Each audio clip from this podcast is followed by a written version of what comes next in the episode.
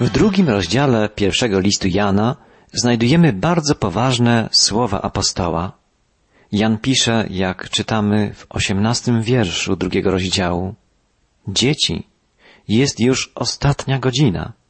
I tak, jak słyszeliście, antychryst nadchodzi, a nawet wielu antychrystów już się pojawiło. Po tym właśnie poznajemy, że jest ostatnia godzina. Ważne jest, żebyśmy w pełni zrozumieli, czego naucza tutaj Jan Apostoł. Pojęcie ostatnich dni czy ostatniej godziny przewija się poprzez całą Biblię. Wyrażenie to często pojawia się już w pierwszych księgach Starego Testamentu. I tak na przykład w księdze Genezis, pierwszej księdze Mojżeszowej, czytamy, iż Jakub przed śmiercią zwołał swoich synów, żeby powiedzieć im, co spotka ich w dniach ostatnich. W tym czasie dni ostatnie oznaczały okres wejścia ludu izraelskiego do ziemi obiecanej i czas pełnej radości z przyobiecanych błogosławieństw Bożych. Wyrażenie to często pojawia się u proroków. W ostatecznych dniach góra Pana zostanie podniesiona do rangi najwyższej z gór. Będzie wyniesiona ponad pagórki i zdążać będą do niej wszystkie narody. Tak prorokuje Izajasz i Micheasz. W dniach ostatecznych święte miasto Boże znajdzie się w centrum świata, a Izrael okaże Bogu doskonałe posłuszeństwo. To proroctwo znajdujemy między innymi w księdze Jeremiasza. W ostatnich dniach Bóg będzie najwyższym zwierzchnikiem, a jego lud okaże mu pełne posłuszeństwo. W samym Starym Testamencie i w czasach pomiędzy Starym i Nowym Testamentem pojęcie ostatnich dni łączono z Dniem Pańskim. Kiedy nadejdzie Dzień Pana, nauczali niemal wszyscy prorocy Starego Testamentu, wtedy przeminie ten wiek, wiek zły i nastanie wiek Bożego Panowania. Dzień Pana oznacza czasy ostateczne, okres straszliwych doświadczeń, okres wielkiego ucisku, czas kosmicznych zakłóceń i sądu Bożego, cierpień będących bólami porodowymi nowego wieku. Ostatnia godzina nie oznacza więc momentu zagłady i powrotu do początkowego stanu nicości, chaosu. W biblijnym ujęciu czasy ostateczne są końcem obecnego wieku i początkiem wieku przyszłego. Są one ostateczne w znaczeniu przemijania. Nie prowadzą jednak do zagłady świata, lecz do jego przetworzenia, odnowienia. Istnieje jedno zasadnicze pytanie. Czy człowiek zostanie starty sądem Bożym w obrębie Starego Świata, czy też wejdzie do chwały świata nowego? Taką alternatywę stawia przed naszymi oczyma Jan, a także inni pisarze biblijni. Taka alternatywa stoi przed każdym człowiekiem. Ludzie mają możliwość wyboru. Mogą sprzymierzyć się z tym światem, skazanym na potępienie, lub połączyć swój los z Chrystusem i wejść do nowego świata, świata Bożego Panowania. Wybór ten musi się dokonać teraz.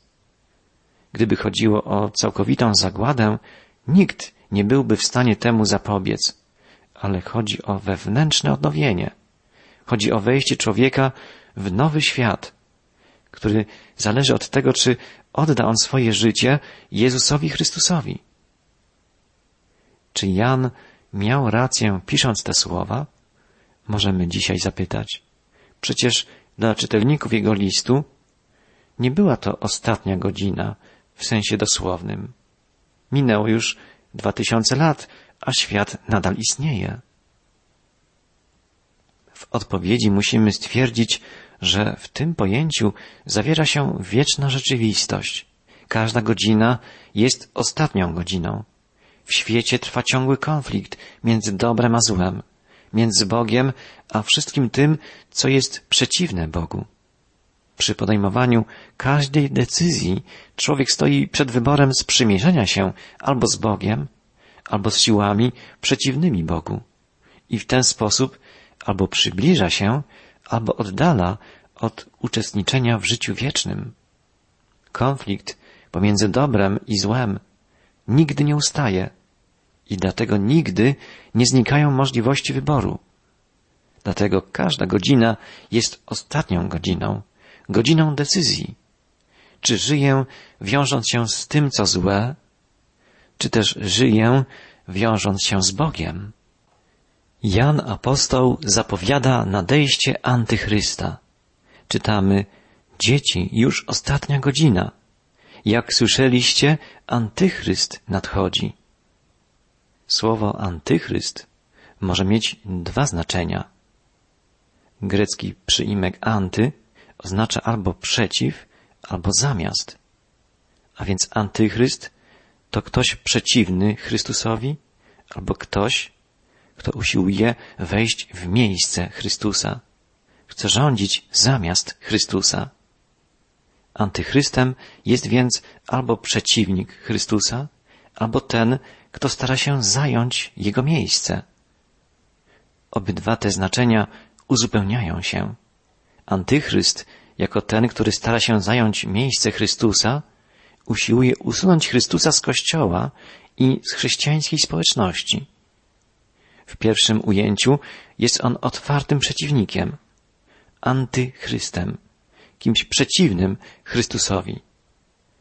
W drugim zaś ujęciu niejako pokryjomu dokonuje subtelnej infiltracji chrześcijańskiego kościoła. Jak gdyby atakuje go od wewnątrz. Nie musimy wybierać pomiędzy tymi dwoma znaczeniami, gdyż antychryst działa zarówno jedną, jak i drugą drogą. Używa wszelkich możliwych sposobów, by oddalić nas od Chrystusa i zająć Jego miejsce. Najprościej można byłoby powiedzieć, że Chrystus jest wcieleniem Boga i dobroci, natomiast antychryst wcieleniem diabła i zła.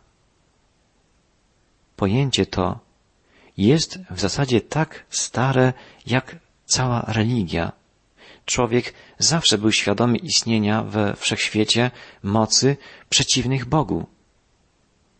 Za każdym razem, gdy pojawiał się zły człowiek, występując przeciwko Bogu i usiłując zgładzić jego lud, utożsamiano go z siłą antyboską. Na przykład w 168 roku przed Chrystusem król syryjski Antioch Epifanes postanowił zlikwidować judaizm na Bliskim Wschodzie. Zajął Jerozolimę, pozbawił życia tysiące Żydów, a dziesiątki tysięcy zaprzedał w niewolę.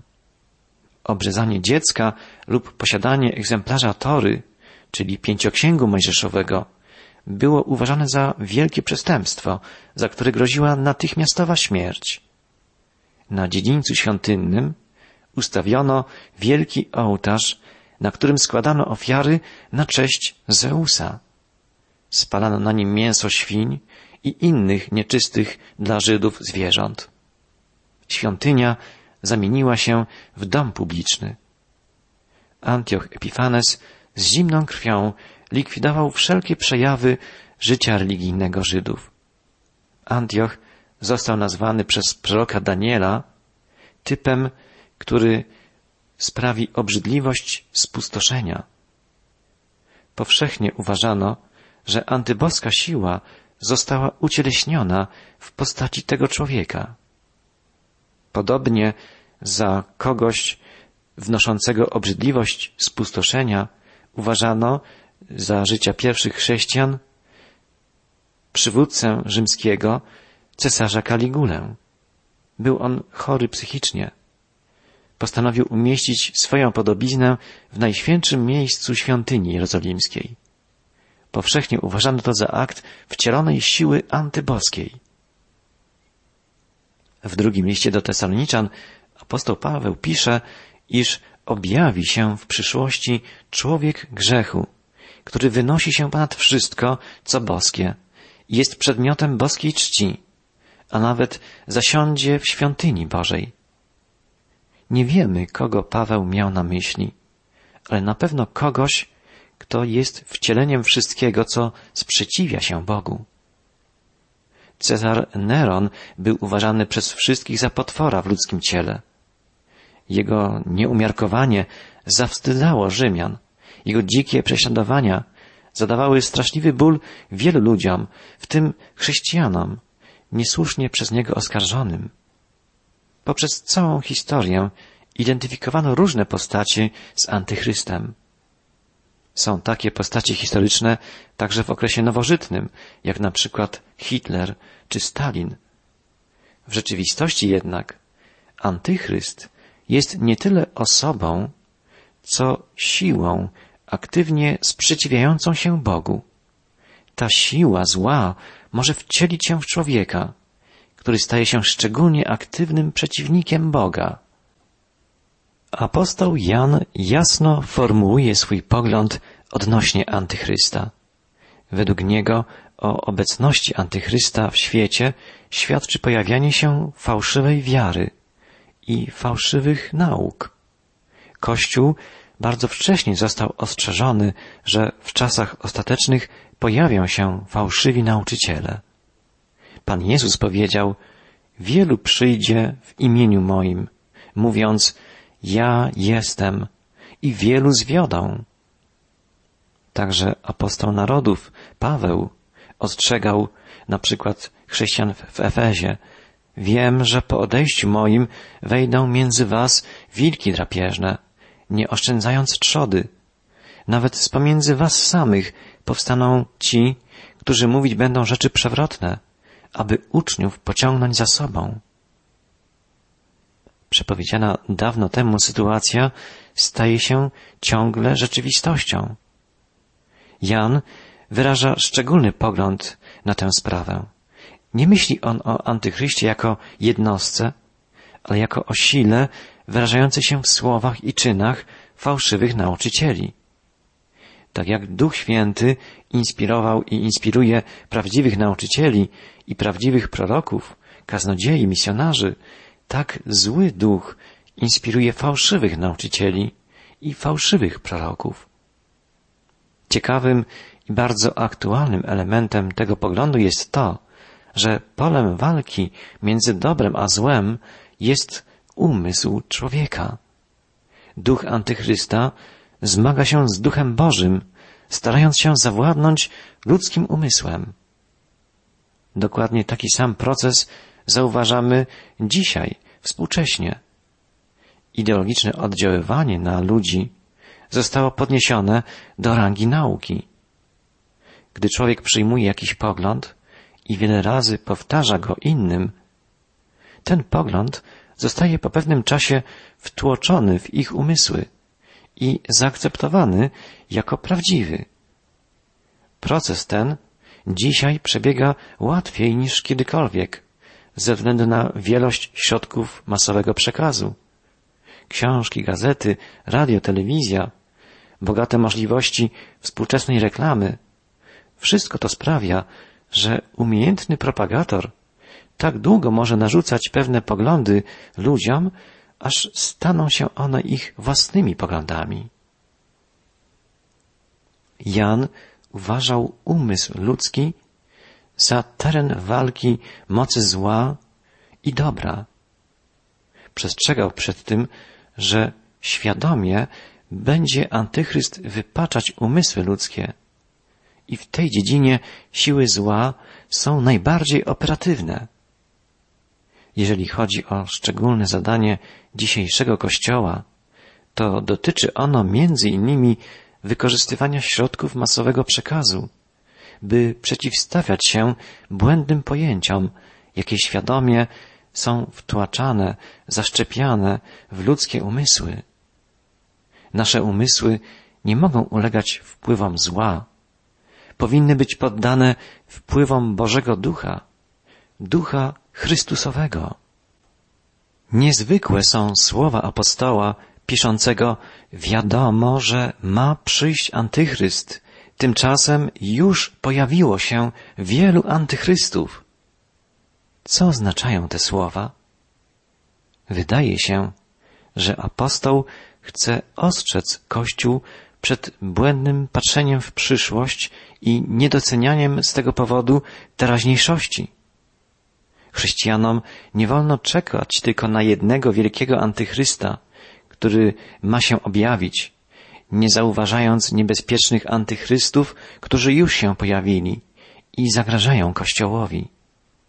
Ludzi tych należy tak poważnie traktować, ponieważ ich pojawienie się jest znakiem, że to już ostatnia godzina i że nadchodzi antychryst, ten ostateczny. Właściwego antychrysta będzie cechować wielka potęga, potęga światowa. On będzie nie tylko fałszywym nauczycielem, który zaprzecza Jezusowi i próbuje usunąć go z kościoła. On będzie władcą świata, który krwawym terrorem będzie niszczyć Kościół Jezusa, który chce zniszczyć wszelkie wspomnienie o Jezusie. Antychryst będzie dążyć do tego, aby ludzkość całkowicie dostała się w Jego ręce, pod Jego kontrolę. Jan przestrzega chrześcijan, by od początku byli świadomi działania antychrysta. Nie mogą ulegać fałszywym naukom. Muszą trzymać się prawdy, prawdy przekazanej im przez apostołów, świadków Jezusa Chrystusa. O problemach ulegania wpływom fałszywych nauczycieli pisze dalej Jan Apostoł następująco. Czytam od dziewiętnastego wiersza drugiego rozdziału pierwszego listu Jana. Wyszli oni od nas, lecz nie byli spośród nas. Gdyby bowiem byli spośród nas, pozostaliby z nami. Stało się jednak tak, aby się okazało, że nie wszyscy są spośród nas. Wy natomiast macie namaszczenie od świętego i wszyscy o tym wiecie. Nie napisałem wam, że nie znacie prawdy, ale że ją znacie i że żadne kłamstwo z prawdy się nie wywodzi. Całą zaistniałą sytuację Jan uważa za okres przesiewania Kościoła. Fałszywi nauczyciele dobrowolnie opuścili chrześcijańską wspólnotę, co świadczy o tym, że właściwie nigdy do niej nie należeli. Byli niejako obcym ciałem w żywym organizmie. Potwierdzili to własnym postępowaniem. Sytuacja, która zaistniała w czasach Jana, miała pewne zalety, gdyż dokonywało się wtedy odsiewanie fałszu od prawdy. W dwudziestym wierszu Jan przypomina czytelnikom, że wszyscy posiadają wiedzę. Gnostycy, opuszczając Kościół, twierdzili, że posiadają oni szczególną, wysoko zaawansowaną wiedzę, niedostępną dla przeciętnego chrześcijanina. Natomiast Jan przypomina, że w sprawach wiary najskromniejszy chrześcijanin nie powinien mieć żadnych kompleksów niższości wobec nawet najbardziej wykształconych naukowców, teologów. Oczywiście wykształcenie techniczne, znajomość języków czy historii jest domeną specjalistów, ale podstawowe zasady wiary są udziałem każdego wierzącego człowieka. Prowadzi to Jana do wyrażenia ostatniej myśli w tym fragmencie listu.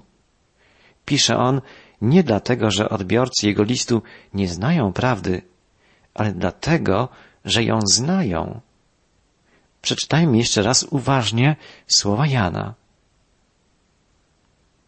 Wy natomiast macie namaszczenie od świętego i wszyscy o tym wiecie. Nie napisałem wam, że nie znacie prawdy, ale że ją znacie i że żadne kłamstwo z prawdy się nie wywodzi. Największą obroną chrześcijanina jest po prostu przypomnienie tego, o czym już wie. Potrzebujemy nie nowej prawdy, ale zastosowania prawdy, którą już znamy, już posiadamy w swoim życiu. Zauważmy, że takie podejście stale też okazywał i praktykował apostoł Paweł. Na przykład w liście do Tesaloniczan tak pisze O miłości bratniej nie potrzeba wam pisać, bo jesteście sami przez Boga pouczeni, że należy się nawzajem miłować. Chrześcijanie nie potrzebują nowej prawdy, ale praktycznego stosowania prawdy, którą już znają. W liście do Rzymian apostoł Paweł napisał Ja sam, bracia moi, mam pewność co do was, że i wy jesteście pełni dobroci, napełnieni umiejętnością wszelkiego rodzaju i możecie jedni drugich pouczać. Jednak napisałem do was, bracia, tu i ówdzie, nieco śmielej, chcąc wam odświeżyć to w pamięci, a to na mocy łaski danej mi przez Pana. Tak, chrześcijanie przede wszystkim potrzebują przypominania, przypominania podstawowych prawd wiary. Jest to prawdą, że nasze chrześcijańskie życie byłoby zupełnie inne, gdybyśmy zastosowali w praktyce wszystko, co wiemy. Nie oznacza to oczywiście, że nie musimy się dalej niczego już uczyć. Mamy jednak wystarczającą ilość światła, aby w nim chodzić, jeżeli tylko chcemy z tego korzystać. Pamiętajmy o tym i wprowadzajmy w życie prawdy Boże, które już poznaliśmy.